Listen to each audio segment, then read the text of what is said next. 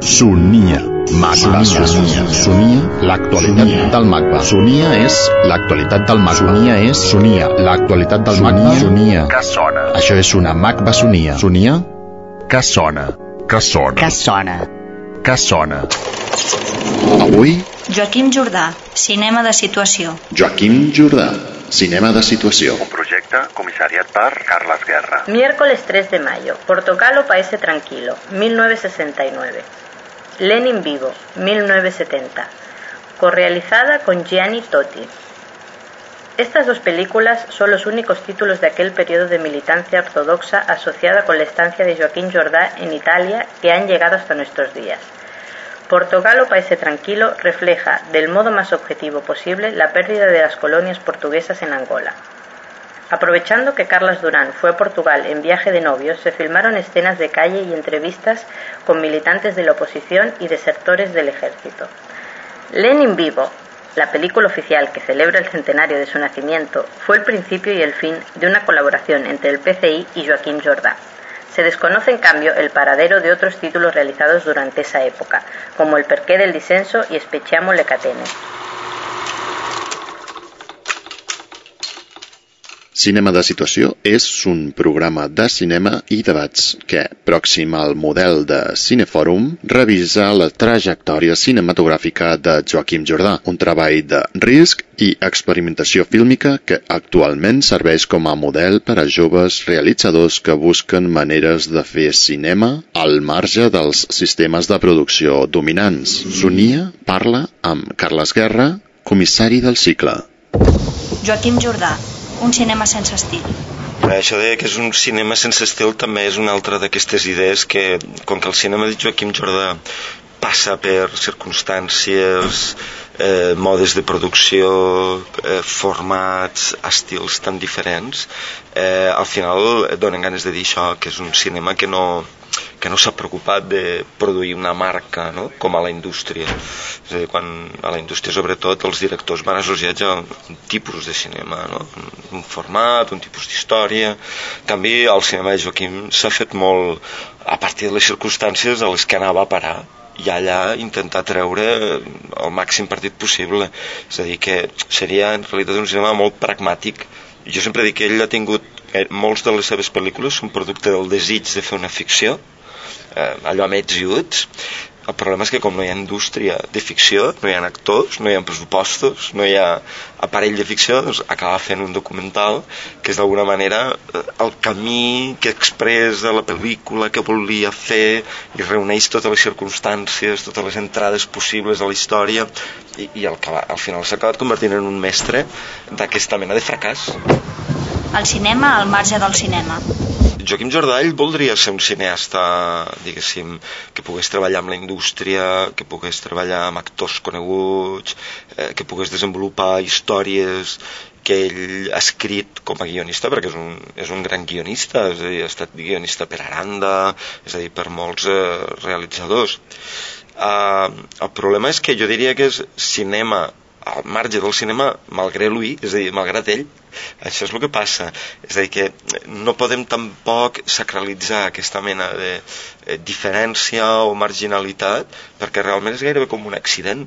És a dir, si un coneix els processos de Joaquim Jordà, sabrà que Mons com la Becky era un guió de ficció, que com ell mateix diu, sort que no la va arribar a fer, perquè si no hagués estat com una mena de Frankenstein sanguinari. Eh? I, bueno, les dificultats de fer una ficció van produir Mons com la Becky. Eh, per exemple, 20 anys no és nada, l'última pel·lícula sí, era recuperar els treballadors de Númex, però també tenia la idea d'entrevistar tots els protagonistes de la transició democràtica espanyola, eh, protagonistes de la política en majúscula, és a dir que però què va passar? Eh, Felipe González va dir que no, Carrillo no estava clar, l'únic que va dir que sí sembla que era Fraga, imagina't, o sigui que va ser una mena de eh, revés i al final de les dues històries que tenia la pel·lícula li va quedar una. Jo crec que tots els obstacles que es troba Joaquim són el que acaben donant-li el contingut a la pel·lícula i també penso que és el que la fan realista És a dir, mentre ara s'estan sacralitzant models de realisme en funció del naturalisme, és a dir, la impressió de que sembla veritat, sembla que estàs dintre, en el cas de Joaquim, que a més a més les seves pel·lícules incorporen eh, molts recursos de teatre, i això, per exemple, molts, fins i tot els seus admiradors més aferrissats, li critiquen, oh, per què posa teatre, si això ho espatlla i tal. Doncs, per ell no hi ha grau d'aproximació a la realitat definitiu, és a dir, hi ha graus diferents. El teatre, una entrevista amb un expert del tema, una experiència personal, és a dir, són molts tipus de distàncies, molts formats. Cinema d'exposició. Aquí tornem en un punt en el que el mateix Joaquim Jordà és prou, no sé, està molt al marge, poc li preocupa si és d'exposició si és de sala. De fet, ara, últimament, ha produït moltes coses per algunes exposicions al CCCB. Una va ser doncs, documentals postmèdia, després de la notícia.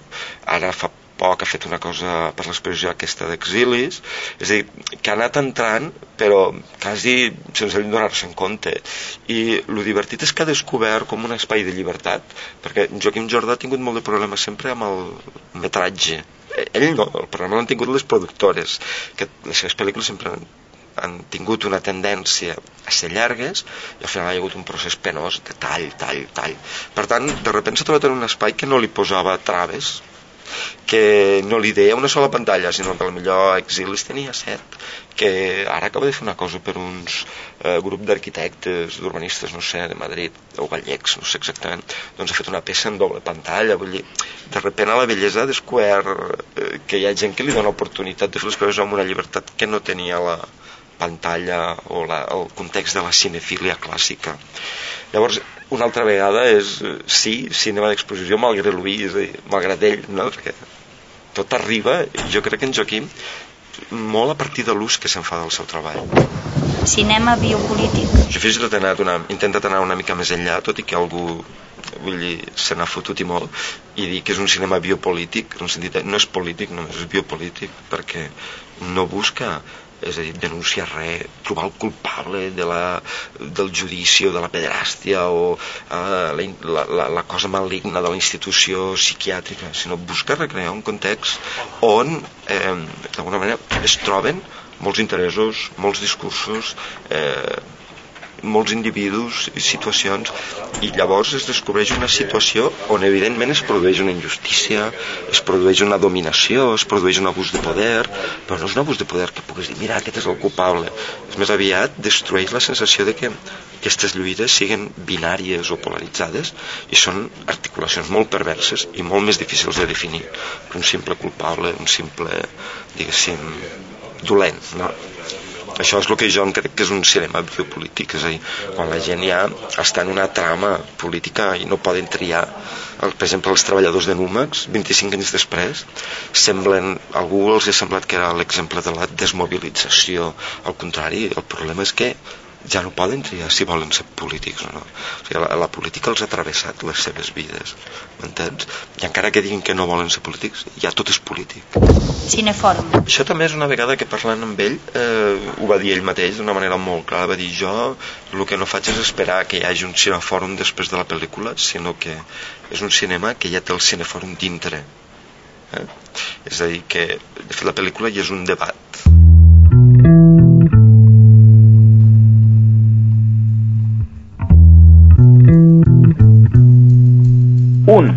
dos, tres. Això és una macbasonia. Somos la Asamblea de Trabajadores de Númar, los 69 trabajadores y trabajadoras que quedamos de los 250 que componían la plantilla. Miércoles 10 de mayo, Numax presenta, 1980. Numax empieza como un film militante. Sábado 13 de mayo, 20 anys no es res, 2004, codirigido con Laia Manresa. Miércoles 17 de mayo, El encargo del cazador, 1991. Sábado 20 de mayo, Un cos al bosc, 1995. Si no fuera por esta película, pensaríamos que el Sábado 27 de mayo, Monas con la Becky, 1999, codirigido con Nuria Villazán. Miércoles 31 de mayo, The Nens, 2003, codirigido con Laia Manresa. capitalista. Esta película Pero aunque así lo fuera, la lesión y la experiencia no morirán. Como decían los trabajadores y estudiantes del Mayo francés, esto no es más que el comienzo. Continuamos en el combate. 3 v E sen?